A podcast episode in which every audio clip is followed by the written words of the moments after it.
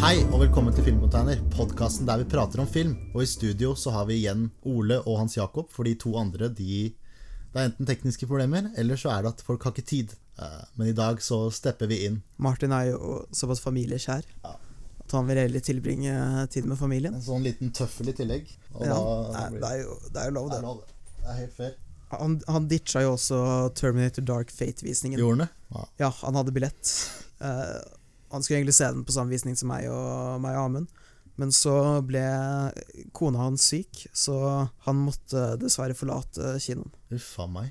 Nei, det Men det var like så greit, for vi, vi hadde en ganske ræva kinoopplevelse, kan jeg vel si. Jeg skulle ønske at du var der, Hans, for du er jo litt sånn kinopoliti. Å, var det folk i salen, ish? For det første, altså Terminator Dark Fate hadde jo 15-årsgrense, Mhm. så du skulle ikke tro at det var masse drittunger der. Nei. Men det, Men det var det. det var det likevel. En hel rad av dem. Og, og kinovakten sa ifra til dem før filmen begynte, til og med. Eh, og da klappa jo hele salen. Ja. Eh, men det, det som kanskje var mest forstyrrende, var at det var folk som gikk ut og inn av eh, kinosalen gjennom hele filmen, nesten.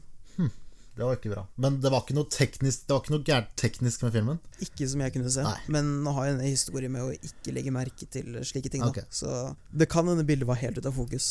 Det aner jeg ikke. Nei, jeg, jeg fortalte jo ikke det her på Ad Astra-podkasten, men når jeg skulle se den, så uh, forsto jeg ikke helt liksom, fargebruken til uh, Er det James Gurry han heter? Men det var fordi at jeg fant ut når han de hadde greid å tinte uh, lerretet sånn at det var helt grønt. Så det var bada i grønt. Eh, men jeg begynte å legge merke til slutt, det fikk jeg til å klage, men de fiksa det fort. da Eh, Men hele den åpningssekvensen var ødelagt. da Jeg lurte på i, vi, Det var en kjip opplevelse at, du hadde, at det var sånn, da. og det skal ikke være sånn. Eh, Nei, det var det jeg også. Det som var, kanskje var mest frustrerende, var jo at på, på T-banen på vei hjem, så satt jo Amund og unnskyldte oppførselen.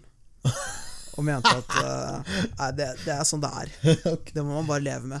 Nei, jeg syns ikke det. Jeg, jeg, tror ikke det, jeg tror ikke det var noe prank heller. Nei, jeg tror dere skulle hatt meg der, for jeg er jo en ganske Jeg har litt baller da, når jeg er på kino. Det har jeg ikke ellers. Men jeg, jeg sier ifra, og jeg reiser meg fort opp og sier 'hold kjeft' de involverte. Uh, ellers så Det hender at jeg også har gått til de etter filmen og sagt at det her var ikke greit. Det skjedde faktisk på den Suspiria-remaken, der jeg hadde noen skikkelig bråkete ungdommer som hadde sikkert forventa en tradisjonell skrekkfilm, og så fikk de denne, denne nærmeste kunstfilmen. da Og jeg sa i ettertid at uh, jeg syns det var kjipt at dere bråka så mye, men jeg syns også det er hyggelig at dere møtte opp for å se på Suspiria. men eh, skal, vi litt, skal vi snakke litt om Dark Fate først? Kanskje tankene våre først? Og så kan vi på en måte ta altså denne reisen som Terminator har vært igjennom i de siste seks filmene. Vi kan jo gjøre det. Nå, er det. nå begynner det å bli en stund siden jeg har sett de andre. Ja. Jeg hadde jo egentlig planer om å, om å se alle sammen, men tiden forsvant til Rob Zombie-maratonet mitt. Så Nei, men det eneste man trenger å se, egentlig, er vel Terminator 2, da, for å forstå hva Dark Fate eh, handler om. Ja, fordi de har jo på en måte prøvd å slette de andre oppfølgerne. Ja. Eller de, de tar dem i hvert fall ikke med til eh, de, de bygger ikke på historiene, Nei. si sånn. Men nå er jo også historiene ødelagt for seg sjæl ofte, da. Men uh, hva er dine tanker om Dark Fate? Uh, Når filmen starta, så var jeg litt optimistisk på at dette kom til å bli litt sånn uh, Mad Max-type film. Hvor det på en måte var sånn Hele filmen var et langt adrenalinrush. Uh, en sånn slags lang chase gjennom hele filmen. For jeg syns den åpningsjakten var relativt godt utført. Altså, jeg syns ikke det var så mye eh, spennende karakterer eller noe sånt, men det var liksom Det, det var underholdende, da. Og det var liksom Jeg tenkte For nå har jeg ikke fått så god kritikk. Eh, Så jeg tenkte ja, hvis du i hvert fall kan sånn holde seg på det nivået her, der at på en måte action er god, så, så er det en film jeg kan like. Men eh, jeg syns at den på en måte dalte ganske fort i kvalitet. Og så på slutten av filmen så endte jeg vel egentlig bare opp med vondt i huet og en sterk irritasjon for eh, dagens kinopublikum. Ok, Så det er fair å si at det, den kinoopplevelsen du hadde, på en måte påvirka filmen du så, da. Nei, Ikke så veldig, for jeg tenkte jo også at hvis det hadde vært en film jeg likte mye bedre, så, så hadde jeg jo faktisk sagt ifra til de som jobba der, og, og bedt om å få refusjon på billetten eller et eller annet. Jeg tenkte jeg ikke over, men jeg hadde jo faktisk en litt sånn bråkemake ved siden av meg. Eh, det var ikke så veldig høyt, men det var mer sånn Hvis det skjedde noe, og en karakter sa noe viktig, så kunne han liksom skrike ut 'brø' eller 'skurt', eller alle de der, de der tinga der, da. Uh, Var det Martin? det, det kunne vært Martin. Jeg må faktisk nevne kinoreklame. Jeg har alltid morsomme opplevelser når det er kinoreklame. Uh, og under den Laban-reklamen, der de sier 'Laban for de lekne', starten av uh, reklamen så sier de sånn eh, 'Nå skal vi lære dere yoga med bruk av seimen'. Og så plutselig et, Og så er det et sekund i traileren der det er helt stille. Og da hørte jeg bare han fyren bak meg bare Åh! Sånn skikkelig, eh, skikkelig oppgitt. Da begynte jeg også å le. da så begynte salen å le. Altså. Det, var, eh, det var gøy. Kanskje høydepunkt. Han var lei av kinoreklame, da. Ja, i hvert fall ja. Jeg føler kinoreklame blir litt sånn white noise for meg. Det bare Ja. jeg, jeg legger nesten ikke merke til det lenger Men du sitter kanskje på mobilen under kinoreklamen? Jeg sitter jo småbabler Ja. med dem, eh, dem jeg er med. nei, det er før. Nei, men jeg synes i hvert fall Terminator Dark Fate var veldig gøy. Uh, jeg synes i hvert fall uh, åpningen var liksom Da tenkte jeg det her kommer, til, det her kommer jeg til å digge. da Uh, Det er selvfølgelig øyeblikk i filmen der den på en måte Den faller litt. da Men når jeg tenker litt tilbake på, på en måte reaksjonen jeg hadde til Terminator Genesis, hvor jeg liksom høylytt skreik og, og sa faen, og da var jeg litt som bølle. da Jeg følte meg undertrykket da uh, og fornærmet av uh, Terminator Genesis, fordi det var et så makkverk. Med men denne filmen Altså Jeg kan jo se for meg da at hvis du, hvis du tar Terminator veldig seriøst, på en måte, så, så kan jo Genesis nesten direkte føles som voldtekt. Uh, ja, i hvert fall i den forstand at jeg på en måte Den, den tar noe jeg elsker, da, og prøver å gjøre det igjen, og så ødelegger det ved å på en måte Ja. lage noe eget som de ikke greide å gjøre. Uh, men det jeg synes jeg, det, det jeg syns Terminator Dark Fate gjorde, da, var at det på en måte tok disse ideene fra eneren uh, og Judgment Day og på en måte gjorde det litt i sitt eget, da samtidig som de på en måte gjør det samme. Uh, og det funker mye bedre i den filmen, for det er en mye mer artig film. Mye bedre karakterer. uh, mye mer kompetent laget. Det er jo Tim Miller som laget uh, Deadpool, som har den her. Og han er en veldig kompetent actionregissør, og det kommer tydelig fram i Dark Fate. Um, det er jo selvfølgelig Jeg tror det største problemet til den filmen er at den tar seg veldig mye friheter i, i manuset for at karakterer skal bevege seg i forskjellige steder. Det fant jeg ut som det største problemet, da, for det kan jo virke som plot holes, men det er jo egentlig bare en unnskyldning for å få karakterene til en viss, viss sted, da. Som jeg kan akseptere hvis filmen er uh, like gøy som denne filmen her, da. Eh, for eksempel Linda Hamilton gjør en ganske bra rolle. Hun uh, Hva er det hun heter, hun som spiller hovedrollen? Hun den, den Ah, den, den yngre, nye, nye karakteren. Ja. Nei, Jeg vet ikke hva hun heter, men jeg, jeg tror ikke vi trenger å egentlig lære oss hva hun heter heller. Nei. For jeg tror ikke vi kommer til å se så mye mer av henne. Nei, men hun, eh, hun, hun mennesket som ikke var helt menneske. Hva er det Å ja, hun ja, Mackenzie Ja, Davis. eh, hun har jeg vel sett før i et eller annet, men jeg, jeg husker ikke hva det var. Men eh, That awkward moment, kanskje. håper ikke det var den. Men, men hun gjør i hvert fall en veldig Jeg synes hun er en veldig interessant karakter. da Og jeg syns også den nye uh, Terminatoren som heter Rev, Rev 9, Ja. som gjør en veldig interessant ting ved at han kan på en måte forlate sin Terminator. da På en måte to. da Uh, Og det som på en måte de andre oppfølgerne til Terminator 1 og 2 har gjort, er at de på en måte har har bare lagd T1000 igjen, da en sånn liquid Terminator. Og så har de på en måte gjort det samme, da som ikke er så spennende. Men jeg synes de hadde Det er noen små tweaks i den filmen der som gjør den litt, litt interessant. Men det er, jo, det er jo på en måte fortsatt det samme, da, fordi det er jo bare en sånn Den, den liquid terminatoren fra, fra toeren Ja. er jo på en måte bare sånn et lag oppå den originale Terminator fra Terminator 1. Ja. Så de har på en måte bare sånn slått de to Terminator sammen. Ja, eh, men jeg syns også det var et, et, et sånt kreativt valg, da istedenfor å bare lage eh, en ny Liquid Terminator. eh, som han på en måte er, da. Den, jeg syns det var kult når for han, kunne, han kunne forlate Terminatoren sin, og så kunne Terminatoren kjøre bilen, og så kunne han. Kaste spyd videre. Ja, jeg føler på en måte at Terminator Genesis er, eh, er litt sånn eh, remake av eh, Terminator 2, og Dark Fate er litt sånn remake av Terminator 1. Nei Jo, jo på en måte. På en måte. Altså ja, Dark Fate er i hvert fall remake av Terminator 1, Fordi det er jo bare den samme historien, Om, på en måte. bare at det er mye, mye større budsjett. Da. All respekt til James Cameron, men jeg må jo også si at Terminator 2 er en remake av Terminator 1. Det er jo samme ideene, bare at det er gjort litt annerledes. Jeg er av den klanen som på en måte Jeg syns at Terminator 2 er den beste actionfilmen noensinne. Noen har Die Hard. eh, noen veldig, veldig sære folk har Fallout som sin største favoritt-actionfilm. Jeg syns også Mad Max er høyt oppe, men Fury Road. Men Terminator, det Terminator 2 gjør, er at den er så Den er veldig mørk, den er liksom skummel, den er sykt underholdende, den har interessante karakterer. Og, og så gjør den på en måte det som jeg syns er veldig lurt da i en actionfilm. Er at du på en måte Du settes inn i en, en hovedkarakter, som eksempel Neo. da Du følger han. Og i, den, i Terminator 2 så er du på en måte unge John Connor, da som på, blir på en måte dratt inn i denne eh, dramatiske eh, historien. Og jeg, jeg syns også De gjør det ikke like bra i Dark Fate, da. men eh, i hvert fall hun eh, Nei, eh, men, men det er jo på en måte hovedpremisset i de fleste sånne sci-fi-filmer. da. At du liksom følger en karakter som blir liksom publikumsavatar. Ja. Og da føler jeg at man på en måte må, må legge såpass mye arbeid inn i den karakteren da, at han eller hun blir interessant nok til at eh, det er en reise som er verdt å følge. Ja. Og, og jeg, jeg føler ikke at eh, det er gjort en god nok jobb med det i Dark Fate. Ja, og det kan jeg på en måte være enig i. Uh, men jeg syns de karakterene er Du relater til de nok, da. At, at det fungerer. Og jeg syns jo i hvert fall Grace er en veldig interessant karakter, da. Fordi hun har jo uh, i framtiden kjempet for den nye, nye Resistance. Jeg husker ikke helt hva de kalte seg. Men Nei. hun har jo på en måte Men- valgt å gå tilbake i tid for å forhindre en, en ny tidslinje da fra det som skjedde i Terminator. Det som skjedde med Skynet. Uh, før vi går eh, inn på spoilers, skal vi kanskje For, for grunnen til at Amund ikke er med i dag, er jo fordi at uh, det tok fyr i leilighetskomplekset hans. Så han måtte, eh, han måtte rømme ut av bygningen, men på vei ut så rakk han jo å skrive noen, eh, noen ord som du skal eh, få lese opp hans, om Dark Fate. Det Da. skal jeg gjøre. Terminator Dark Fate er en OK underholdningsfilm, men som et nytt kapittel i Terminator-sagaen er dette en resirkulert innhold uten en ny og kreativ vri. Linda Hamilton gjør et sterkt comeback som Sarah Connor, og Arnold viser en menneskelig side av den kjente T-800. Filmen byr på noen spennende, dog kunstige actionscener. Langt fra en total feilbom, men du har sett dette gjort bedre før. Ternekast tre! Ja, det var vel egentlig ganske ryddig. Kan si meg enig i mye av det han sier. Hvis vi går inn i spoilers, da, eh, hva syns du om eh, Arnold i denne filmen? Eh, Jeg, jeg syns Arnold gjorde en, en relativt god figur, men det blir jo på en måte mye av mye av det han gjør denne filmen, er jo på en måte humor som han gjorde på 90-tallet med Kindergarten Cop og disse typer filmer. da Så altså, det er jo selvfølgelig litt moro å høre han snakke om uh, balloons i uh, en Terminator-film. Ja.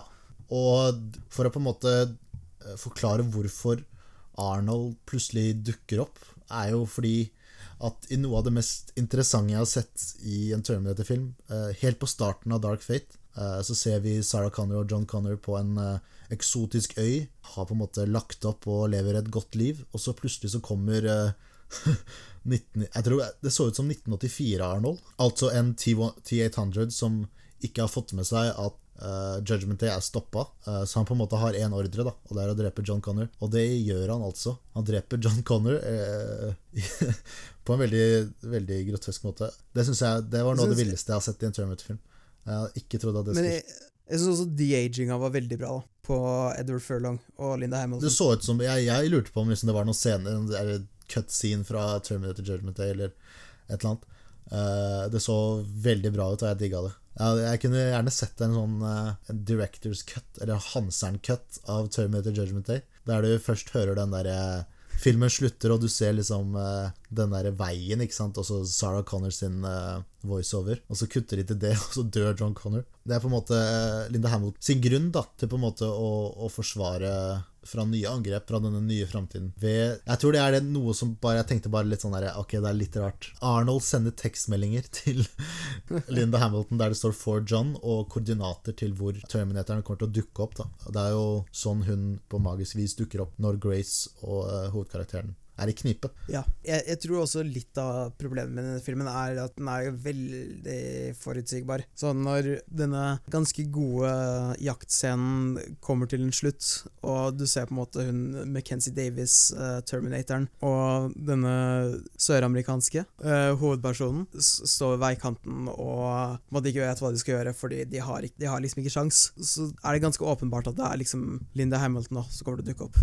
I- Ja, og det så man også. Du har sikkert sett traileren nå. Det er jo det de viser. Men man, det er jo måte Ja, okay, ja. Det er på en måte greit, da, fordi altså Jeg føler i, i en Terminator-oppfølger så trenger du faktisk uh, Sarah Connor. For det er hun på en måte som, som bærer denne, denne sagaen, da, uh, som det har blitt. Det er derfor jeg syns at kanskje de uh, andre oppfølgerne er så ræva, fordi det er jo eneste de bringer De bringer ikke noe nytt, da. Og det de bringer tilbake, det er liksom bare Arnold. Ja, men, men samtidig så føler jeg på en måte ikke at de trenger å gjøre nytt, så lenge de på en måte gjør det, gjør det bra, da. Eller altså At eh, de, de kan på en måte bringe historien nye steder, eller at de har interessante karakterer, eller prøver å snakke eller diskutere rundt noe nytt, da. Men uh, de trenger liksom ikke å ha en ny Terminator for at det skal være en god Terminator-film, føler jeg, da. Men, uh, uh, men jeg, jeg syns ikke at denne filmen her gjør noe nytt heller.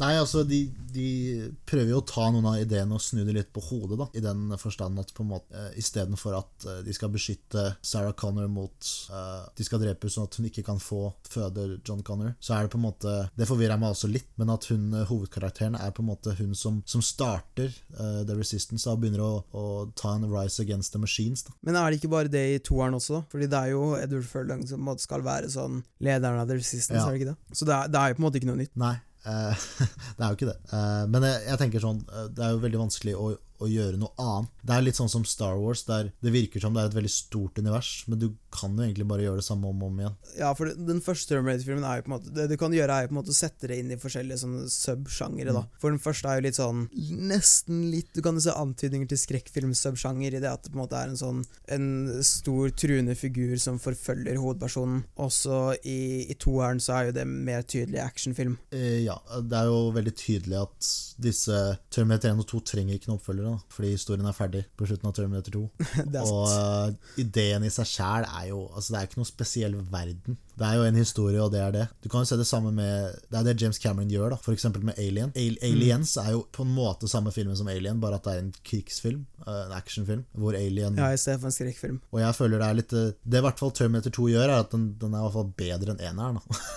at den, den, på en måte tar de ideene og så på en måte gjør mm. det litt bedre, sånn som kanskje Terminator, sånn som uh, James Cameron så for seg. Da. Ja, nei, jeg, er enig i at toeren er bedre enn enn eneren. Ja. Men hovedproblemet mitt er allikevel ikke det at den Som sagt, da, jeg, jeg, trenger egentlig ikke at den gjør noe nytt heller. Det, alt jeg ønsker, er at den på en måte uh, skal være underholdende, da. Og jeg syns ikke den nådde opp til det nivået engang. Fordi etter den Så var den jaktscenen ferdig, syns jeg det blir veldig mye at de bare sånn kjører rundt og prøver å sånn komme seg til Arnold. Ja. Og det er sånn veldig lite actionscener i mellomtiden også. Og nei, jeg, jeg, vet ikke, jeg bare syns det blir utrolig uinteressant. Ja, fordi uh, med, Fordi at karakterene er såpass tamme og mm. svake. Den eneste karakteren jeg syns er litt underholdende, er Linda Hamilton, bare fordi at hun er en 70 år gammel bestemor-actionhelt. Ja. Og jeg hadde lyst til å like filmen mye av det, at jeg syns det er egentlig ganske kult at de på en måte skal levere en, en stor actionfilm hvor en 70 år gammel dame er liksom helten. Det, det har jeg stor respekt for. Det er derfor jeg på en måte syns det er så skuffende også at den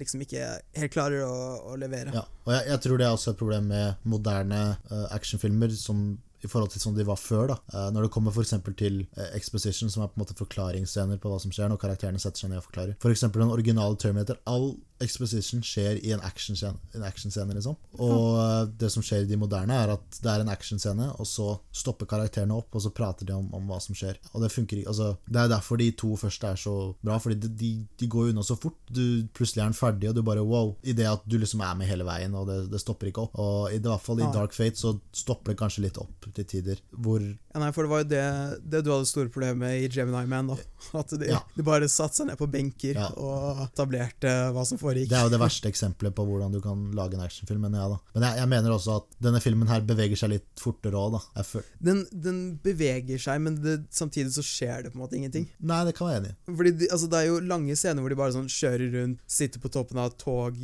graver litt for å komme seg under en uh, mur. Ja. Altså, det er, det er ikke så mye spennende som skjer, og på en måte den eh, historieetableringen som de gjør, er heller ikke noe vi på en måte ikke har sett før. da Så, så det blir på en måte ikke noe nytt eller interessant. Og de, de, prøver på en måte å få inn litt tematikk med det at han er overvåket hele tiden i dag, men det føles ikke ut som noe annet enn sånn påtvunget uh, forsøk på å gjøre den mer relevant. Nei, jeg, jeg, tenkte Det var jo egentlig det jeg var mest nervøs for når jeg så filmen. Da, at det kommer til å bli det Jeg tenkte nå her blir det liksom Det her blir Terminator Modern Warfare, liksom.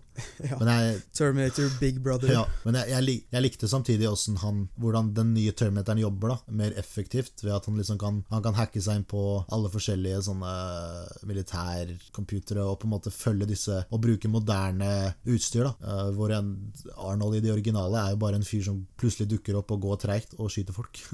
Selv om det er mye mer interessant og mer skremmende. Men jeg synes at det er jo interessant i en, i en moderne film. Jeg, jeg, kan ikke si det med hjertet på hånda, men jeg kan si at jeg er ok hvis, hvis vi kan kalle Terminator 1, Terminator Judgment Day og Terminator Dark Fate en, en trilogi, fordi det fungerer på en måte og, og, filmen er underholdende nok. Jeg vet ikke. Jeg, jeg holdt på å samle inn her med Blade Runner 2049, men det er mer av, mer på grunn av uh, de setpiecene den har. Da. Hvor vi liksom Vi er oppe i lufta, vi er under vann, vi er i merkelige Nei, glem det.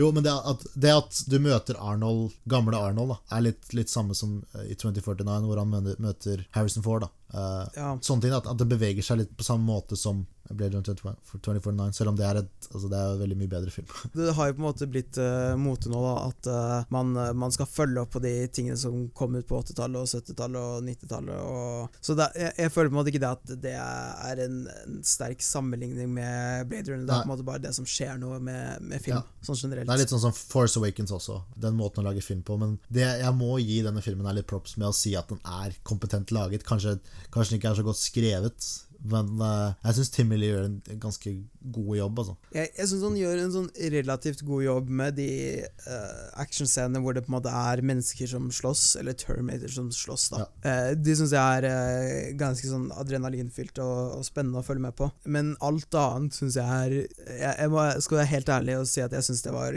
gørrkjedelig. Og spesielt sånn de scenene hvor de bare sånn er i en demning av en eller annen grunn, og, og bilen bare sånn er under vann, og sånn Terminator prøver å sånn hakke seg gjennom ruta på bilen. Og, Ja, det var litt Jurassic Park, Lost World.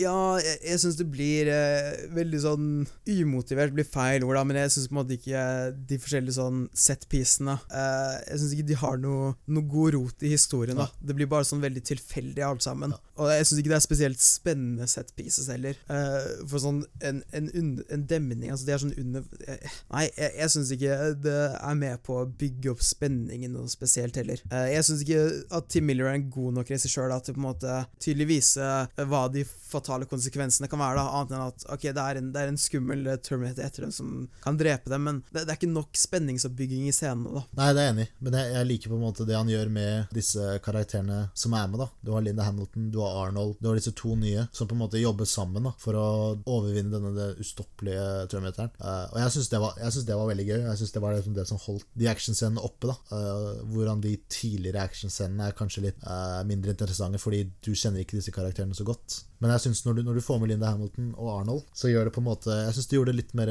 litt mer moro, da. Ja, jeg, jeg syns den siste actionscenen var Altså, det var litt sånn um, too little too late, Ja. Men eh, jeg syns det var kult når de sånn jobba sammen og sånt, da. Det var jo eh, litt sånn dynamisk eh, action. Ja. Allikevel, så som sagt, så liksom det kom for seint for meg, da.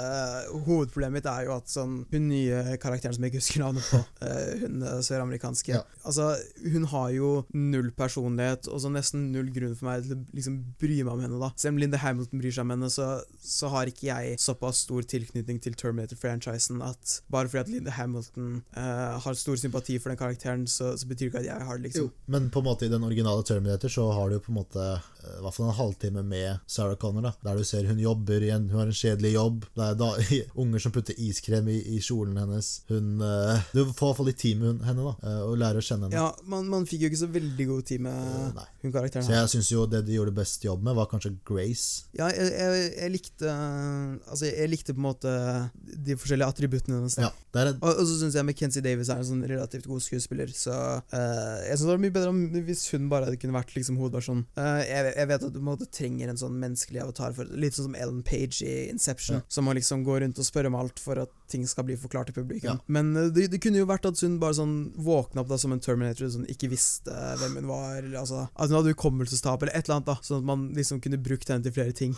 jeg tror det er jo James Cameron som har skrevet den her òg, tror jeg. Deler han. Eller han har på en måte hatt Ja, han har sånn litt story credit, tror jeg. Og jeg, jeg tror han er veldig Nå er Avatar et veldig godt eksempel på hvordan han jobber. da Hvor en soldat blir en avatar som på en måte blir lært i den nye verden. da Mm. Og han er veldig god på det. da Å lage interessante hovedkarakterer. Men jeg, jeg syns han gjorde det veldig godt eh, tidligere år, med, med Alita Battle Angel. Ja, Den, den likte jeg veldig godt, men jeg tror mye av grunnen til det var jo fordi at der hadde du på en måte karismatiske skuespillere, eh, og du fikk liksom nok tid med Alita-karakteren til å måtte bygge henne opp og uh, bli veldig sjarmert av sånn det inntagende under hennes over på en måte verden, og hun var en veldig sånn positiv, likeable karakter, og jeg, jeg syns ikke jeg, egentlig vi har noen sånne karakterer i den filmen her. Utenom kanskje Arnold, da, når han dukker opp. ja. Arnold er veldig kul når han dukker opp. Men jeg synes for å forsvare Hun heter Natalia Reyes. som spiller Danny Ramos, Ramos i denne filmen. Eh, jeg synes ikke det er, noe, det er ikke noe gærent med skuespillere, det er vel mer uh, hvordan karakteren er satt opp.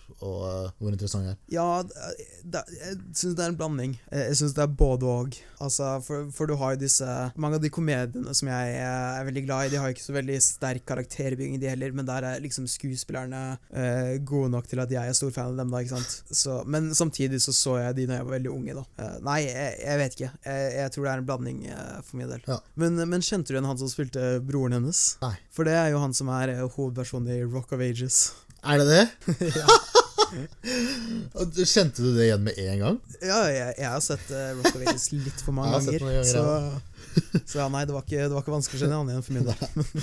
Det er ganske vilt. Men jeg vet ikke, syns du Fordi Tim Miller har jo bare regissert eh, to filmer. Altså to featurefilmer. Han har Ja. jobbet mye som sånn special effects, special effects artist. Men syns du han er en god regissør? I hvert fall ut ifra det som er greia med Deadpool, er at den er veldig godt spilt og veldig bra skrevet. Jeg syns han, han er flink til å skape interessante actionscener, f.eks. Og det syns jeg også han gjør eh, i denne. Det er noen scener hvor det blir litt sånn Gemini Man, hvor på en måte sånne karakterer beveger seg veldig unaturlig, da, eh, på grunn av det er sikkert dataanimerte. Ja. Eh, men jeg vet ikke eh, jeg, jeg, jeg vet ikke, jeg kan ikke helt beskrive hvorfor eh, jeg syns det var så interessant, men jeg, eh, jeg tror jeg har en liten forkjærlighet for eh, Terminator. Jeg syns de på en måte gjorde en veldig bra jobb på å, å finne den der viben da, som er i Terminator 1 og 2. Da, da må, jeg, må, jeg, må jeg si meg sterkt Ja. uenig. Men, eh, Ja, det, det forstår jeg. Men jeg må innrømme at når jeg bare hører men, men det gjør du jo i alle filmer. eh, Det gjør man. Eh, men jeg syns det var litt kulere brukt eh, i denne. Den brukes jo hele tida, og kanskje litt irriterende til tider. Men det er i hvert fall spesielt én scene hvor de, er fanget av, de blir fanget av eh, sånne grensepoliti. Og så, skru, og så er det helt mørkt, og så skrur de på lysa sine, og så er det sånn med lysa. Det var ganske genialt. Så det, det var sånne små lyddetaljer da, som jeg syns var kult, men de bruker det veldig ofte. Og det bare føltes litt, litt deilig, da, siden de andre Terminator-filmene har enten vært utrolig dumme eller fornærmende, kjedelige, så var på en måte den her kanskje litt den var mer underholdende, da, og eh, på en måte tok det som jeg er veldig glad i i, i Terminator 1 og 2, i hvert fall noe av det, og på en måte putta i den her, og det var på en måte en, en grei film. da. Jeg vil ikke kalle det noe mesterverk i det hele tatt. Det var øyeblikk hvor jeg på en måte ja, klødde meg litt i huet, uh, Ja. som jeg gjør, men uh, Ja, nei, for jeg, jeg har ikke sett Terminator Genesis siden jeg så den på kino. Nei, det burde du men ikke heller. jeg mener å huske at det var en, en ganske god guilty pleasure for meg.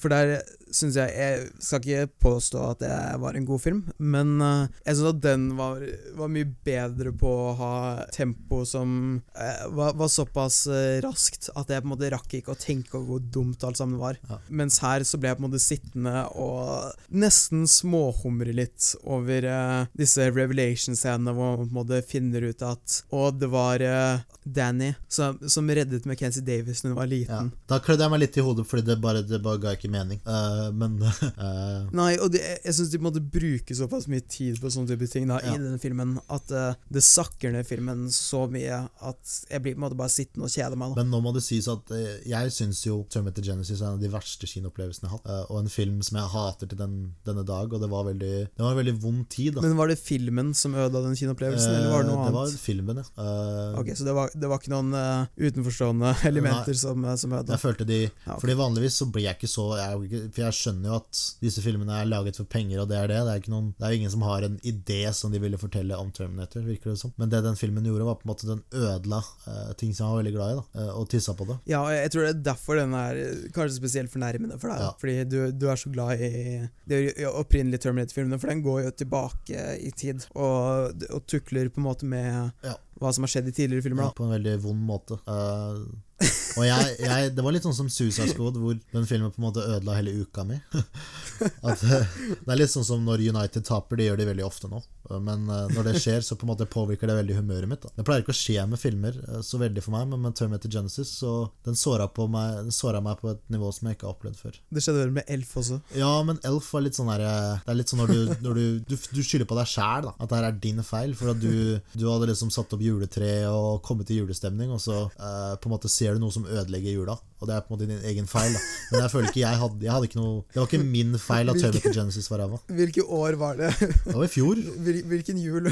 Det var i fjor Elf ødela hele jula. Yes. Da var det bare ut med treet med en gang. Det var ut med tre med en gang. Uh, jeg føler vi kommer til å Jula avlyst. Jula ble avlyst. Uh, men eh, men jeg, jeg føler jo Terminator Genesis er verre enn Elf. Jeg vet ikke om det er noen skala. Vi, vi, kan jo, vi kan jo avslutte Terminator-samtalen med, med å ranke Terminator-filmene. Åh, ja, det blir interessant. Vil, eh, jeg har det ganske klart for meg. Jeg vet ikke om du vil starte? Eller? Nei, start du. Ok, Så på førsteplass er uh, ingen hemmelighet Terminator 2. Mm. Ja, det er Ganske åpenbart, i hvert fall. Og så uh, vil jeg vel si Terminator 1. Uh, og så blir det ganske kontroversielt derfra. For etter det så har jeg Terminator Genesis. Jeg, jeg, som, sagt, det var en guilty pleasure. Jeg hadde det moro med den filmen. Og deretter Terminator 3, som for så vidt også er en guilty pleasure. Mm. Ganske moro når de prøver å ta med Terminator inn i 2000-tallet og gjøre den sexy. Så da, da har de en sånn blond dame som uh, Arnold driver og dæljer løs på hele Ja. filmen. Jeg husker det er en spesielt moro do-scene, hvor han bare sånn Sånn riv, eller drar henne gjennom sånn en hel haug med sånne dobåser. Ja. Jeg vet ikke om du husker Nei. det? Det var, det var en film jeg så ganske mye gjennom eh, oppveksten. Eh, man, kan si at den kanskje har ødelagt meg litt. Det er en diskusjon for en annen gang. Også Terminator Dark Fate, som um, Ja, vi har snakket om eh, Jeg syns det er en sånn Nei, vet du hva, jeg, jeg synes det er en ganske dårlig film. En, eh, en terningkast to. Okay. Et hakk under ramen. Og så har vi Terminator Salvation, som er et CGI-helvete. Ja. Jeg tror jeg har en veldig annerledes liste. Ja, jeg gleder meg. Uh, vi har jo selvfølgelig Terminator 2, er en av favorittfilmene gjennom tidene. Beste actionfilmen gjennom tidene. Terminator 1 er på en måte 80-talls actionfilmer i et nøtteskall. Uh, på en måte Perfekt 80-talls actionfilm. Jeg mener du skal ha mye av de sånn punkervibbene da, som det var mye av på 80-tallet. Ja, han møter jo en punker på starten, som er spilt av uh, Bill Paxton. Så det er jo selvfølgelig det. Det uh. Men den er veldig, veldig gritty, superskummel, spennende. Og så kommer selvfølgelig Dark Fate, som jeg føler kunne Som er en ok film, som jeg kan med litt nøling dytte inn i en teologi, hvis, hvis, hvis jeg tør. Eh, jeg syns den var interessant nok, underholdende nok, til å Jeg kan kalle det en, en, en ok Terminator-film. Og så etter det så er Tror du at du kommer til å ha sånne uh, Terminator-kvelder, hvor du ser uh, 1, 2 og Dark Fate? Jeg tror jeg kommer til å gjøre sånn som jeg pleier å gjøre. Jeg pleier egentlig bare å se toeren, uh, siden jeg er så fan Ja, av den. Eh, det hender at jeg ser eneren. Nei, kanskje ikke. Jeg tror ikke jeg kommer til å kjøpe den på Blu-ray eller noe, men jeg kommer til å kanskje hylle den litt mer enn det dere gjør, da. Ja. uh, også på Det skal ikke så mye til, da. Og jeg er ikke fan av noen andre av de opererne, men jeg kan jo si at på fjerdeplass er det Salvation. Ok. Jeg syns kanskje det er mest, er kanskje mest interessante av de, de ræva. og uh, jeg syns Christian Bale er en kul John Connor. Jeg syns det er litt kult at de, det handler mer om, om, uh, om The Resistance da, etterpå, og den verden der. Filmen er, veldig, er litt kjedelig og sånn, og det er jo Sam Worthington som er en veldig kjedelig fyr. ja. Det, er, det er sykt at uh, James Cameron nå lager fire filmer med han i Ja, jeg vet ikke, eh, Det kan at Avatar hadde vært litt bedre hvis Nå liker jeg Avatar, da. Det kan at den liksom hadde Jeg følte den trengte litt, litt sterk karakter. Litt mer personlighet. Men nå er den jo på en måte en blå jævel òg, så det er litt vanskelig å, å se noen følelser. Avatar syns jeg er en uh, National Geographic-dokumentar Ja. om en annen planet. Det har vært interessant å se den uh, igjen. Jeg skal vel det før de neste kommer ut, men det er jo fortsatt et par år til. På femteplass må jeg vel putte Terminator 3. Uh, jeg må jo. Eh, jeg syns den er utrolig dum. Masse greier med at eh, hun fra Homeland er en sånn veterinær og var masse piss. Ja, ja, det er sant, det. Claire Danes. Det, det er en film som det er nesten usebar. Jeg tror eh, Hvis du hadde sett den nå, så tror jeg du hadde skrudd den av etter de første 30 minuttene. Husker du det? Er en, det er en lang scene hvor de kjører rundt på en brannbil eller noe sånt. Eh, ja, Og så er det en sånn wrecking ball. Det er kjempemoro. Det er bare destruksjon. Absolutt veldig dum film. Og i den filmen så skjer jo Judgment Day. Det er kanskje den kuleste scenen i den filmen, da. men du må jo vente til slutten, hvor hele verden blir nuket. Du ser liksom bare Litt sånn som i Er det ikke også en scene hvor Arnold Schwarzenegger går inn i en eh, kirkegård og sånn river fram eh, en kiste, masse Ja, våpen? jeg, jeg tror det er eh, Hvem var det var kista til? Det var en, en, annen- jeg tror det var moren til John Connor. Det er moren til Sarah Connery eller noe. Et eller annet dumt. Ja, det var ikke sånn kista til Frank Sinatra? Nei, det var ikke det. Det kunne vært. Jeg må se den igjen. Det er iallfall en scene der han tar på seg sånne Elton John-briller. Er utrolig ræva. Ja. Hvilken film er det hvor han går ut av en bar? Det er treeren. Hvor han går ut av en bar med de Elton John-brillene. Ja, det er treeren, ja. Og så sier han 'She will be back'. Hva syns du om at han sier uh, 'I won't be back' i Terminator Dark Fate? Syns du det var clever? Uh, nei, absolutt ikke. Det var uh, latskap Ja. på, på høyeste nivå. kan si meg litt enig der. Selvfølgelig, på sisteplass har vi Terminator Genesis. En av de verste filmene som er laget siste ti året, kanskje. Kanskje de siste 50 åra. en film jeg hater veldig, og skal prøve å unngå å oppsøke den på alle mulige måter. Eh, prøve å holde den unna alle Hanserns TV-titt uh, osv. For, å for å skåne dere fra denne uh, vonde opplevelsen. da Og jeg anbefaler folk til å ikke se den, da fordi den kan ødelegge uka di, hvis du ikke er forsiktig. Siden den kan ødelegge livet. Den, den kan det. Den, jeg tror den, I hvert fall den ene uka der, så hadde ikke jeg det så bra. Tenk at, du, tenk at du kommer til å ha med deg den, eh, den opplevelsen etter du dør. Ja, det Jeg skulle gjerne hatt meg foruten, men jeg hadde jo sikkert sett den uansett, siden det står Terminator på det. Så jeg er jo alltid Hva, hva gjør du hvis, du hvis du ligger på sykehus en dag, og du er lam i alle lemmer, og de har på TV-en, og så kommer den på? Da tror jeg faktisk at det hatet inni meg kommer til å gjøre meg sterkere. Jeg kommer til å reise meg opp, og så kommer jeg til å knuse TV-en selv om jeg er lam. Kommer du til å be dem om å, å dra ut pluggen? Ja, det er litt sånn som han i, i Watchmen. uh, han supersterke som sitter i rullestol. Nå, nå har ikke jeg kommet så langt til Watchmen, da. Jeg har bare sett episode ja, 1. sorry. Så det blir vel en dobbel episode i morgen. Oh, shit. Ja, det, det må vi snakke om. Veldig spennende selv. Men i hvert fall, endelig så har det kommet en, en Terminator-film som jeg etter 1991 som jeg synes er akseptabel. Og eh, potensialet for at jeg ser den igjen, er vel ikke lav, men uh, ikke noe mest. Ikke Du, noe mest. du høres ganske sånn lunka på den filmen her, da. Jeg tror jeg er mer overraska Altså, over at ikke det var dritt. Samtidig så var jeg veldig underholdt. Jeg syns det var mye smart i denne filmen, samtidig som det var veldig mye dumt. Eh, Og det smarte, på en måte. Men hva var det du syns var, var smart i den? Hvordan de håndterte Arnold, da, for det var det jeg var mest nervøs for. Kommer han til bare I killed John Connor and I'm very sorry. Men det var litt mer uh, han Etter at uh, Judge Peter blir stoppet, så har ikke han noe purpose. Eller etter han drepte John, så har han på en måte blitt menneskelig. Og på en måte funnet en, sånt, eh, en mening med livet, da selv om han er en robot. Ja. Uh, det syns jeg var interessant. Ja, det var litt koselig. Jeg da syns det var clever det med at Linda Hamilton er tilbake. Uh, Jeg synes det var clever Jeg synes Jeg vet ikke om jeg ville kalt det clever, da. Men jeg ville vel heller kalt det opportunistisk. Men ja, jeg synes Grace var veldig smart oppbygget ved at hun er en, eh, på en måte en, eh, en oppgradert menneske da som kan møte en Terminator uten å bli blæsta med en gang. Ikke sant? Selv om hun eh, jeg, tror, jeg, jeg tror hun er den sterkeste delen av denne filmen ja, for meg. og hun Jeg tror hun er den eneste skuespilleren som kan på en måte bevege fjeset sitt. I, i den forstand at du kan på en måte Du kan se forskjellige følelser i det da i denne filmen. Det er mest fordi at, det er mest fordi at de gamle har så mye plastisk kirurgi i fjeset eh, og de andre Jeg tror ikke Linda Hamilton har så mye plastisk kirurgi. ass. Hun ser ganske gammel ut. det er sjelden du ser henne smile, da. Men det skal man jo egentlig ikke i denne filmen. Så eh, Nei, Jeg bare syns kanskje at uh, hun ga at uh, jeg tror, Hva heter hun? McKenzie? Hun ga den beste performancen, da, syns jeg. Ja, eller altså, Jeg syns Linda Hamilton også er bra, da. Men fordi karakteren hennes eh, krever på en måte ikke at hun eh, skal være noe sånn uh, gladjente. Uh, men eh, absolutt, ja. McKenzie Davis var et eh, høydepunkt for meg. Jeg vil også, altså jeg syns også den Rev 9-terminatoren var kul. da At den var litt Ja. annerledes, samtidig som det var litt den samme. Det som Altså Det går ikke an å slå Hva er det han heter for noe, han som spiller TAT-1000? Patrick Pat, uh, Jason, Patrick J... Et eller annet Patrick. Det er noe med Patrick.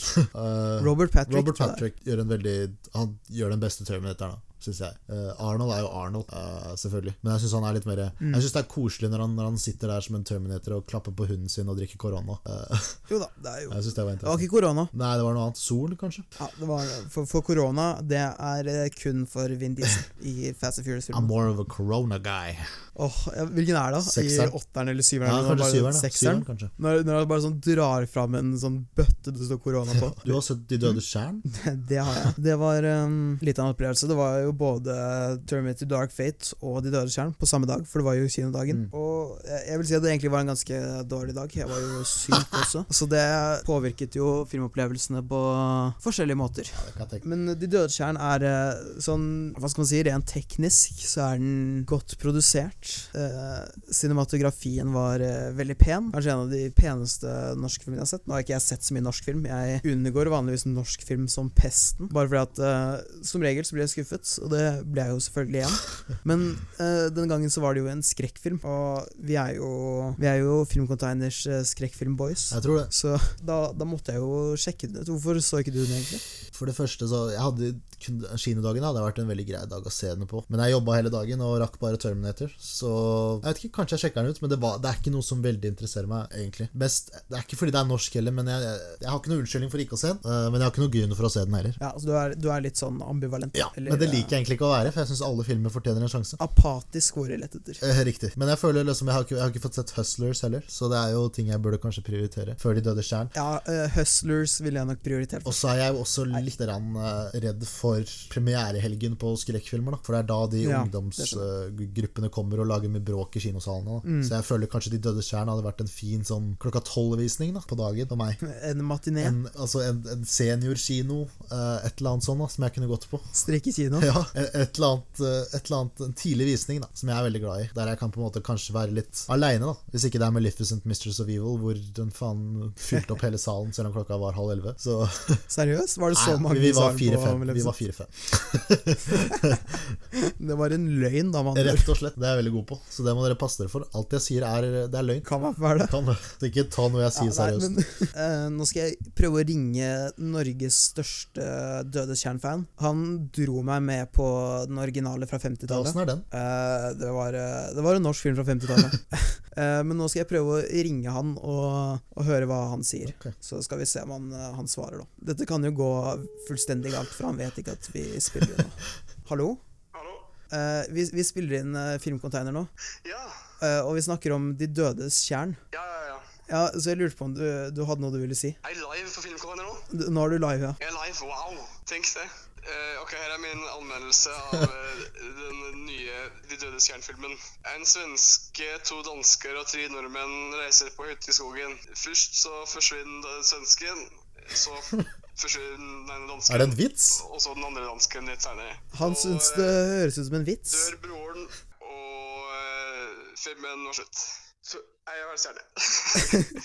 Hans Eh, sier at han syns det hørtes ut som en eh, dansken, norsken vits. Ja. Det var en ekte svensken, dansken og uh, norsken vits. Hva er punchline? Den originale var bare uh, mye morsommere. Og den, og den nye hadde ingen slåbrok heller. Det er, min, det er faktisk min største, min største klage. på at det, For den, den originale den hadde en uh, fin slåbrok-scene der em, han, hovedpersonen skal ut. Og på vei ut så tar han med seg slåbroken sin, og så roper han 'slåbrok'! Og det var det ingen som gjorde i den nye. Eh, så jeg syns det er eh, veldig lite tro mot, mot eh, kildematerie. Ja, nei, jeg er helt enig. Men ja. Så du, du vil heller anbefale å, å leie den gamle, da? Jeg vil heller anbefale å gå på Deichmans bibliotek og spørre etter De dødes tjern fra 1958. Er det et spes spesielt filial du vil anbefale? Eh, Filial Jeg vil, jeg vil anbefale biblioteksfilialen på Riska. Eh, på YouTube. Eh, Søk på det. Den er veldig morsom. Det, var, det var godt at vi fikk noe, en god anbefaling, da. i hvert fall. Ja. Kjempefint. Uh, tusen takk, eh, Ivar, for anmeldelsen. Godt aftens. Ha det godt! Sånn, ja, da, da fikk vi høre at uh, Norges største Dødeskjern-fan ikke, ikke var noe fan. Nei, det mangla slåbrok, hørtes det ut som. Uh. Mangla slåbrok, ja. Det var, for i den originale så var det det både pose og sekk. Men det er folk som går i slåbrok? Er det det filmen handler om, liksom? Ja, det, altså det, er, det er en scene hvor uh, noen tar på seg en slåbrok, eller legger fra seg slåbroken, eller noe, så sier de bare 'slåbrok'. Veldig, veldig komisk i den originale. Hvor var det dere så Men, den filmen her? Eh, på Cinema Nuff. Det er en studentkino i Oslo. Men føler du, er, du, er du redd for å anmelde De døde stjern siden, siden det er en norsk film? Nei, absolutt ikke. Altså, nå har jeg allerede roasta Lars Kleberg til de grader. Så nei, det er, det er ikke noe problem. Jeg kan godt, uh, godt ta det nå, jeg, fra starten av. Ja. Uh, mye av problemet er jo at uh, Iben Akeli, som på en måte er hovedpersonen, hun kom jo tilbake til den hytta, da. Fordi at det som skjedde i helt starten av filmen, var at hun måtte reise den tilbake vekk fra hytta, mens broren hennes skulle være igjen, og så forsvant broren hennes mens hun var borte. Så hun må på en måte komme tilbake til den hytten for å på en måte klare å overkomme Jeg vet ikke tapet, eller tristheten, eller frykten. Det er, det er litt uh, vagt og uklart, dårlig forklart i filmen, egentlig. Så det, det blir ikke noe god stemning, da. Sånn som du Det som er moro med de Men da er jeg 80-tallsklassikerne. forvirra allerede. Hvor, hvordan dukker det opp en svenske, en danske og en nordmann på den hytta? Det er helt merkelig. Jo, ok, dette er jo en, en norsk produksjon. Er det filma i Danmark og Sverige? Er det derfor? Jeg aner ikke, men altså, grunnen jeg ser for meg, er jo at uh, dette er en film som på en måte skal Det er jo Jeg regner med at det var en ganske stor produksjon, siden den ser såpass bra Ja, ut. de deler inn de Intensivene nok- er sikkert de- bedre i Danmark. Og da må de ha dansk crew og danske skuespillere, så det er sikkert derfor. Og så er det sikkert filma Jo, litt men jeg i tenker, Sverige. tenker også det er enklere å, å selge den i, i Sverige og Danmark hvis de har svenske og danske skuespillere. For, for det norske publikum er jo såpass lite at de må på en måte ta med seg hele Norden for at uh, de skal liksom kunne tjene noe penger på det her, da, Ja. vil jeg tro. Og jeg ser også her, er den er jo sponset av uh, Nordisk Film og SF Kino. Og det er vel begge svenskt og danskt, er det ikke? Eh, altså, tror uh, SF er i hvert svensk. Eh, og så er vel en, en For det står jo for svensk filmindustri. Og den isbjørnen er vel en, en, en, samling mellom de nordiske la, landa, tenker jeg. Men eh, de kommer jo så opp på den Eller først så tar de på en måte toget, og de Nesten litt sånn shot for shot remake av den fra 50-tallet. eh, med at de tar et sånt tog. Vi vet ikke hvor denne hytten er, vi bare vet at de tar et tog ut i skogen, eh, som på en måte er eh, i ingenmannsland. De går av på en togstasjon, eh, så får vi på en måte vite hvorfor eh, hun Iben Akeli skal tilbake til den hytta, da. Eh, og så er Jakob Skøyen, kjent fra Olsenbanden junior. Han lager podcast, Parapodden, og det er egentlig det vi vet om karakterene. Vi vet at det er en blond bimbo med i filmen, som har hatt en, en skade, så hun kan ikke utøve idretten sin mer, men vi vet ikke hva slags idrett hun utøvde. Det er aldri forklart i filmen. Og på en måte det store Og så er det en psykolog som er med, eller en psykologstudent, som på en måte har eh, jobb Eller som på en måte har anbefalt Iben Akeli da å være med på denne hytteturen for å, for å kjempe det- det savnet da etter broren. Ja. Og, og det er på en måte det vi vet om karakterene, da. Så vi vet på en måte ikke Eller altså hvorfor de er venner, altså hvilken sammenheng har disse møttes. Hun, hun blonde bimboen er jo sammen med en um, jeg, Unnskyld, jeg skal ikke si bimbo, det er veldig, veldig slemt av meg. Noen ganger så må man overdrive litt for at man skal på en måte forstå de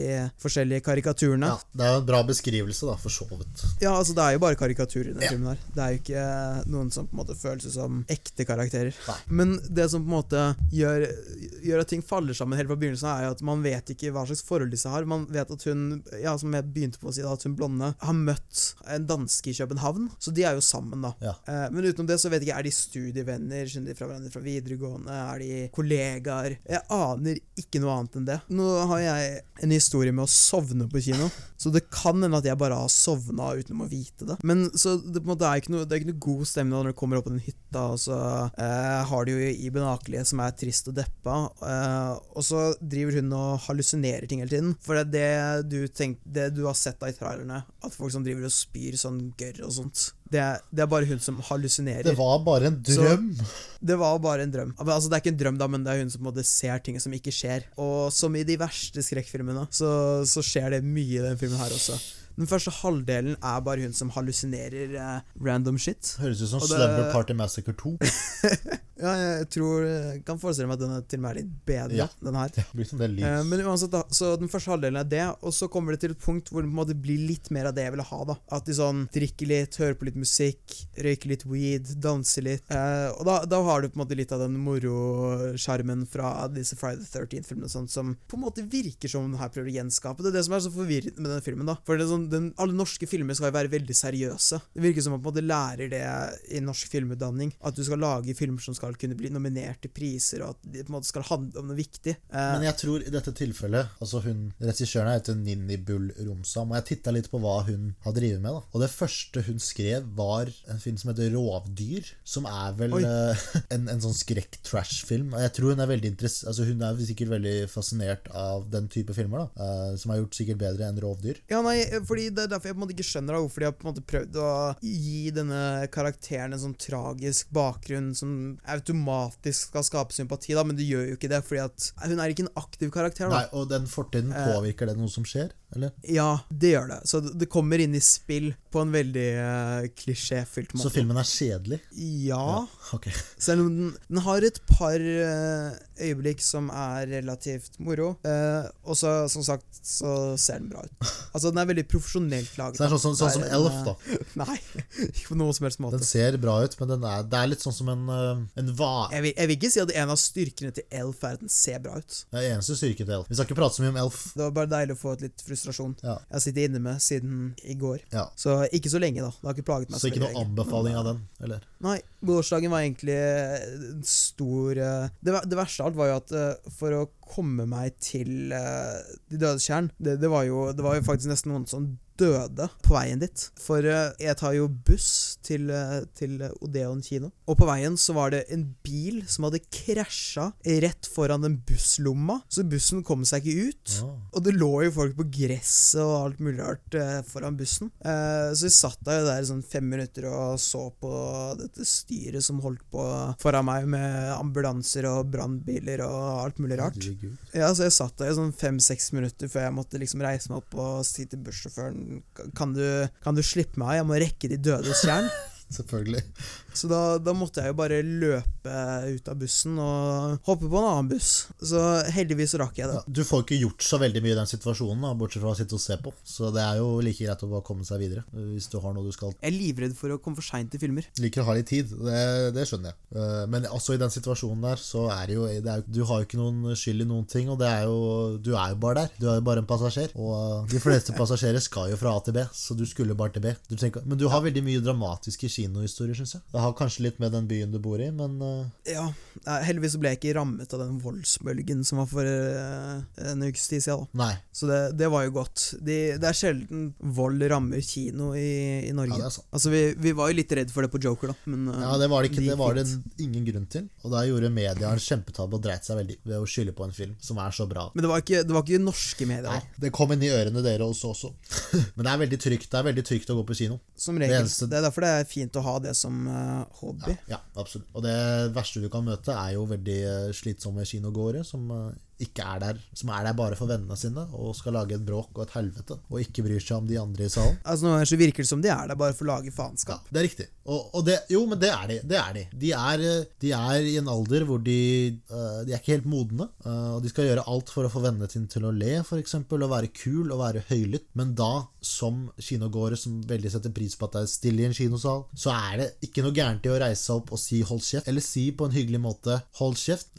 altså at Men eh, jeg syns jeg hvordan er, er hold kjeft på den hyggelige Eh, måten og på pro- den uhyggelige måten? Problemet er at hvis du sier 'kan dere vennligst være stille', så ler de. Men hvis du sier 'hold kjeft', da, da blir det på en måte stille med en gang. Og det funker. Men eh, problemet er at det, det funker ikke for meg. For eh, jeg, jeg tror ikke jeg ser herja nok ut til å gjøre det. Ok, Så jeg ser herja nok ut til å gjøre det? Ok, Jo, jeg, jeg må innrømme at jeg, Men du, du, du ser jo litt skumlere ut av det. jeg, ser, kan, si. jeg Hvis ser du- kanskje litt Hvis du går inn for å se ja, ut jeg ser jo kanskje litt ekstra voksen ut enn det jeg er. Uh, det kanskje hjelper litt. Uh, men jeg har jo opplevd at ved at du, du hever stemmen og har øyekontakt med de du, de du kjefter på, så blir de ofte stille, og du får en viss respekt. Og det får du nå som du, du, har, du er voksen sjøl, og det tror jeg du får. Ja, men jeg, jeg ser ut som en narkoman. Det hjelper ikke så veldig Nei. Men på den annen side, du, når du gjør en sånn akt, så vil du få støtte fra andre uh, kinogåere som på en måte har samme Det er sant. Den dagen det ikke funker, så skal jeg si ifra på Filmkonteiner. Det, det regner jeg med. Nyheter!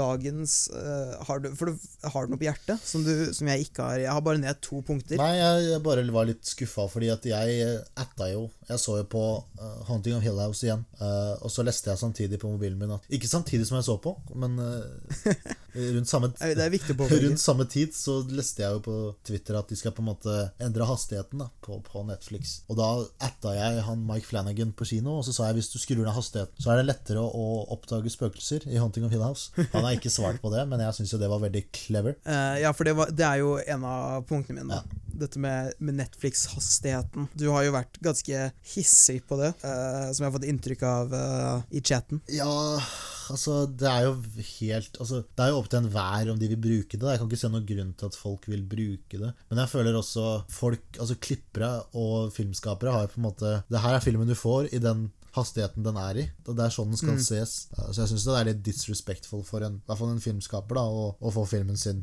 endra på en så stor måte. Ja, for det er jo på en måte det Det er mange Igjen har mange regissører kommet på Twitter og de har vært sure på Netflix da, for at de, de ødelegger pacen på filmene Ja. deres. Og det gjør de jo. Ja, det blir jo en helt annen opplevelse Ja. enn det filmskaperne ville at du skulle ha. Men forsvaret igjen da er jo på en måte at det er for mye å se på. Så for å rekke alt, Men, da, men jeg føler ikke du får med deg noe særlig hvis du skal drive og skru på sted. Men samtidig så er jo det et valg folk må gjøre selv. Da. Jeg kommer ikke til å gjøre det. da Jeg har ikke noe rett til å si at folk skal ikke skal gjøre det, for det er jo dems valg. Men er du imot at det er en mulighet? Ja, litt. Nei, for det, det, altså, det, er jo, det er jo noen serier da jeg kanskje kunne sett for meg og sett med speed up hastighet. Friends. Ja, for eksempel Altså, nå ser ikke jeg på Friends, da, men uh, noen uh, Ikke at det er en dårlig serie. Hvis det er, kommer en sånn populær serie som alle Sånn Sånn Riverdale, da. Ja. Det kunne man fint sett på med, med speed up hastighet.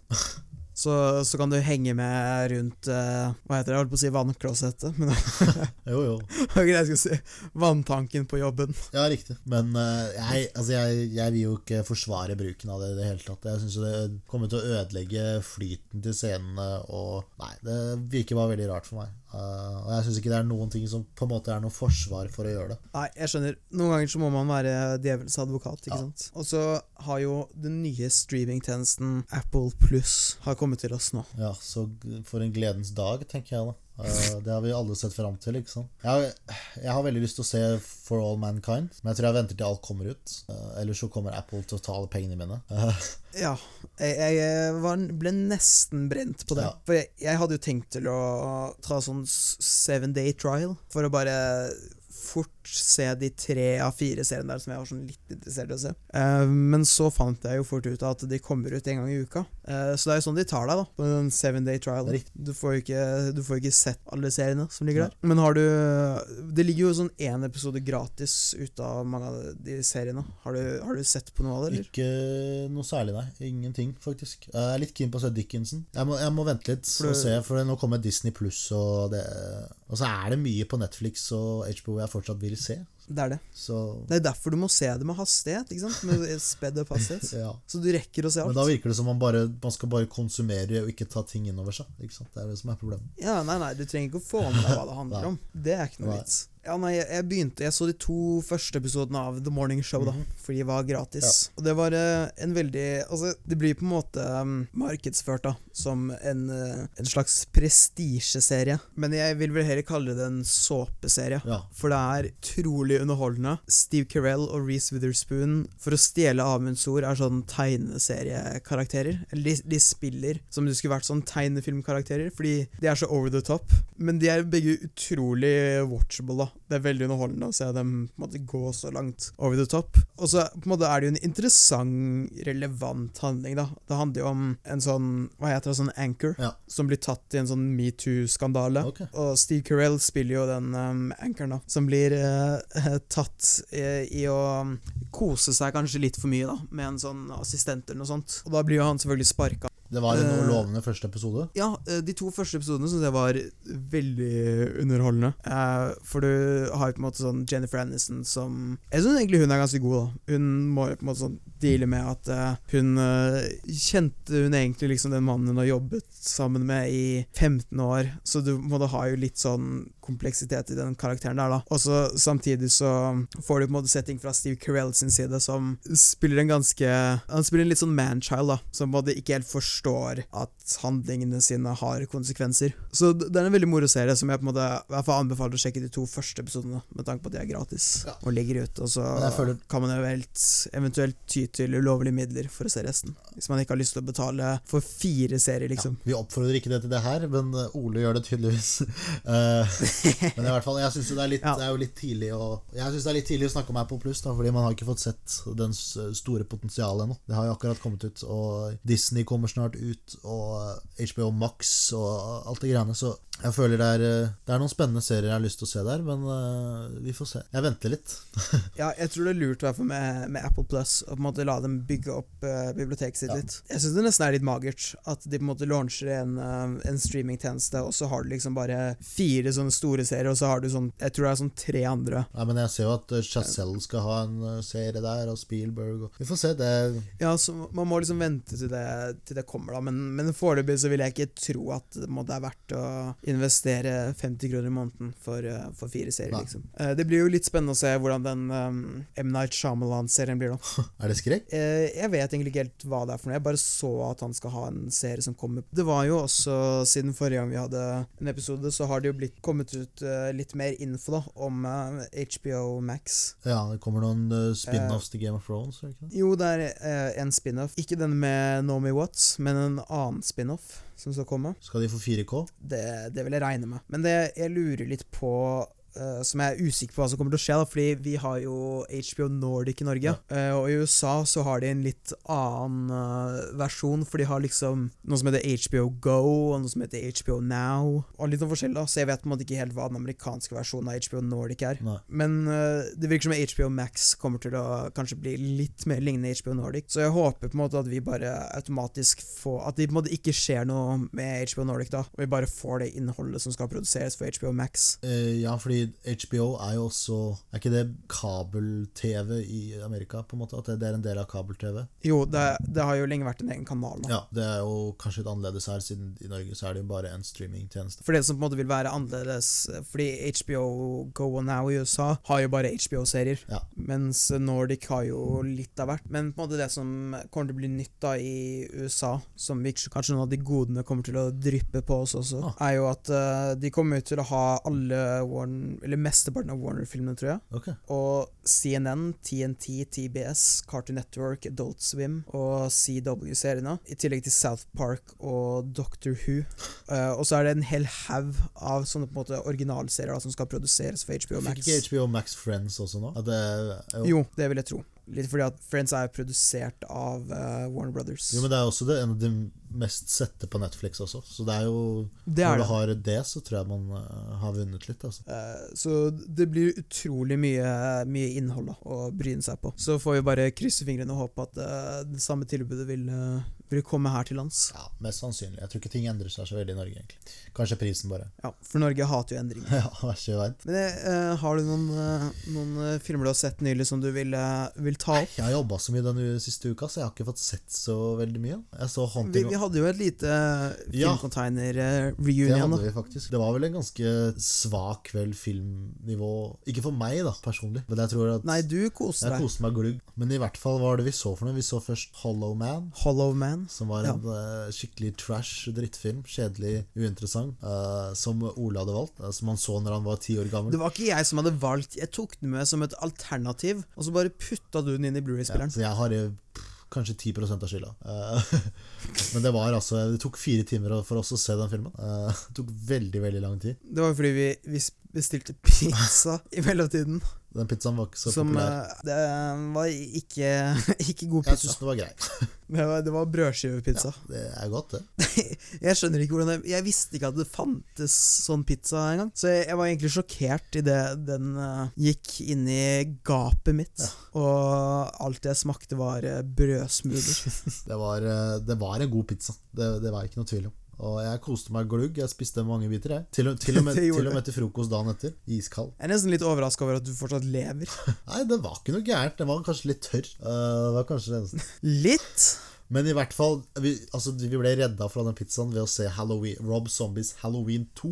Som jeg syns er noe av det villeste jeg har sett uh, på en lang stund. Utrolig fascinerende, merkelig, ekkel. Jeg, jeg har hørt den blitt sammenligna med, med David Lynch. Ja, det, var, det føltes litt sånn Twin Peaks. Det var litt Twin Peaks-vibes. Nei, jeg kan nesten ikke beskrive hvorfor jeg fant den så veldig interessant. Var, den, var veldig, den er veldig ekkelt filma. Mye, mye handheld, Ja, det- shaky cams. Bare veldig ekkel. Uh, veldig grå Veldig grå film med voldelige, mørke scener. Uh, men samtidig som veldig sånn merkelig historie med Michael Myers. Nei, jeg vet ikke. Det var Eh, interessant. Rob Zombie er jo kjent for å lage litt sånn groteske Men filmer. da eh, det som er så overraskende, er at Rob Zombie lager jo forferdelig dårlige filmer som har ingenting. Altså, Devil's Reject har jo ingenting interessant. Jo bare jeg, trash. jeg er fan av Devil's og Reject. ingen i sitt, rette, i sitt rette sinn vil tro at Devil's Reject har Jeg kan ikke nesten ikke kalle det en film. Det er trash. Jeg, jeg syns Devil's Rejects er en utrolig underholdende film. For den eh, appellerer til min sadistiske eh, side.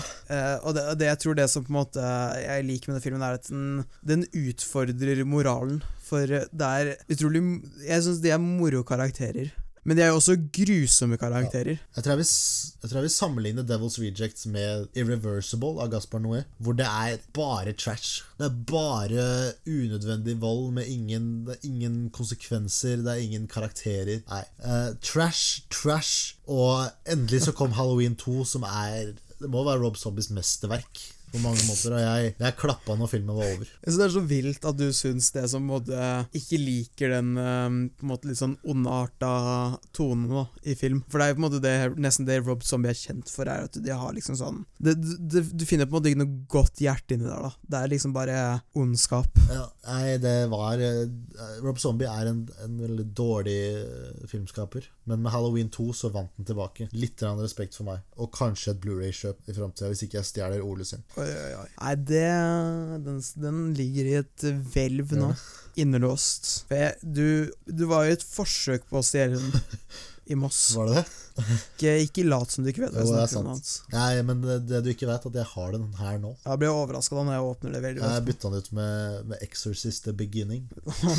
Men opp, altså, ta, som vi snakker om halloween-gave Halloween, Jeg ga dere den ultimate halloween-gaven når jeg visste det Exorcist 3. Som er jo kanskje en av mine sånne ordentlige guilty pleasures da, når det kommer til uh, skrekkfilmer. Og litt sånn mørke David Fincher-aktig stemning-filmer. Det er en fantastisk film. Men jeg, jeg vet ikke om, om dere fikk så mye ut av den. Eh, Ja, nei, Jeg har jo vært egentlig ganske interessert i å se den lenge, da, fordi at en film som skrekkmiljøet syns jeg er undervurdert.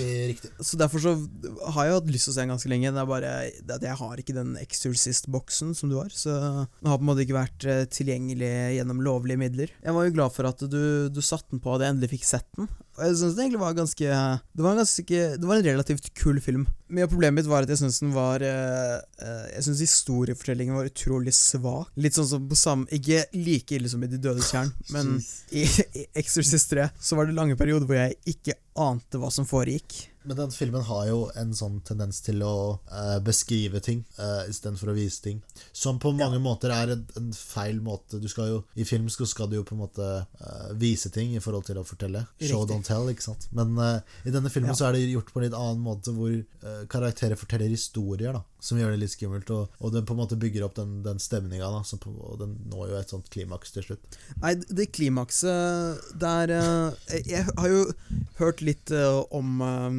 hvordan den filmen ble laget Ja. og sånt etter vi Ja. så den. Eh, og det, det virker jo som om mye av det jeg likte i det klimakset, er ting som på en måte studio har prakka på filmen. Ja. da Som eh, Hva heter han? William eh, Peter Blatty. Blitter Blatty? Blatty Patty. William Peter Blatty. eh, som han ikke ville ha med i filmen. Eh, ja. For det virka jo som om han egentlig bare ville ha en sånn langsom dramatriller. ja. Uten noe som helst form for skrekkinnslag. Men på mange måter så er jo det den originale Exorcist òg, da. Selv om den har litt mye Kanskje litt mer sånn creepy visuals. Men den er også en veldig Exorcist er jo en veldig har ikke så veldig lavt tempo. da Pacinga er ganske slow. Selv om jeg, det er liksom min favorittskrekkfilm, så er den veldig treig da på mange måter. Og det, det er det jeg liker. da Og jeg syns det er mer skumlere, mer, setter mer spor. da Og det gjør Exorcist 3 òg. Ja, nei, Jeg er enig i at eh, Exorcist 1 gjør det veldig bra. Det er, det er litt ekkelt å kalle den Exorcist 1. Ja. The Exorcist. Ja. Jeg synes Den gjør det på en veldig god måte. Nå har jeg bare sett den én gang. Mm. Men allikevel en film som satte så stort inntrykk at jeg er villig til å kalle det en av mine favorittskrekkfilmer. Eh, Så jeg hadde egentlig lyst til å se den igjen, da. Denne Spooktober-sesongen. Ja. Eller Man Hooptober. må, det er jo en film man må se i året. Det er jo en sånn uh, Kubrick-nivå-film som man må se en gang i året, da så at den vokser med deg. Mm. Den blir bare bedre og bedre for hver gang du ser den. Nei, jeg, jeg håper jo på, på det, da. Men det er jo bare sånn Jeg vet jo på en måte at det er en slow burn. Så det er ikke liksom alltid at man er uh, nødvendigvis i humør til det, Ja, og, men på mange måter, når du har sett den Nå har du jo sett den, ikke sant? Fra før av. Så da vil du Ja, på en måte men det begynner å bli en del år ja, siden nå. Men jeg så- tror du vil se filmen i et annet lys da hvis du så den igjen. I den forstand at det er mer enn en, en skrekkfilm. Ganske mye dypere enn det. Jeg vet jo det liksom ikke er sånn Som De beste skrekkfilmene har jo liksom et drama i bunnen. Eh, Men på mange måter så eneste Exorcist handler om, er en mor som sliter med at datteren blir veldig syk. Og det i seg sjæl er jo veldig skremmende. At hun på en måte kan, vet ikke hva det er, og hun kan ikke stoppe det. Og Ja, Det er jo sånn med de skumle skrekkfilmene at måte det er psykologien bak det som gjør at det er skummelt. Ja. det er litt sånn som med Eh, ikke bare at det er jump scares, ja, liksom. for, for eksempel i It Follows, der de spiller de på noen ting som i hvert fall de unge er litt redde for. da Sin egen seksualitet. Og Hereditary er litt redde for Jeg vet ikke, eh, familie. Jeg vet ikke hva du blir veldig Ja, redd for. Savn, savn, Ja. ta. Eh, og i The Thing, fremmedfrykt. ja, riktig. Og, og Midtsommer så er det vel mer uh, en sorg. Ja. Så det, det er jo Nå nevnte vi noe av de beste skrekkfilmene. Halloween, den originale Halloween, kunne vi også kasta inn der. For den handler jo bare om ondskap. Altså, en, Michael Myers er bare ren ondskap. Han snakker ikke, han har ingen følelser, han bare dreper. Så nei, da uh, Exorcist 3 Det var en morofilm jeg er glad for at jeg endelig fikk sett. Det er godt å høre, og jeg setter veldig pris på at dere ga den en sjanse. Og jeg, må, jeg har en del ting jeg vil vise dere igjen. Jeg vil prøve at dere skal forelske dere i Hannibal, f.eks. Den eh, har vi sett sammen uh, før. Jo, men jeg, jeg, jeg, må, jeg må kjøpe en kinosal, og så skal jeg skrive på der. Så du var, men du var litt trøtt og sånn, så jeg tror at hvis du hadde gitt den en ny sjanse, så hadde det kanskje blitt Du, deg. Jeg var ikke trøtt. Du da. var trøtt, du sov. Nei, Det gjorde jeg absolutt ikke. Men jeg, jeg har sett den før også, så jeg, jeg, jeg er ganske eh, klare, tydelige meninger om den filmen. Nei, eh, takk for at dere hørte på Filmcontainer i dag. Vi kommer vel snart igjen, tipper jeg. Og så følg oss på Instagram og Twitter og alt det tullet der. Og så snakkes vi igjen seinere. Ha det. Ha det!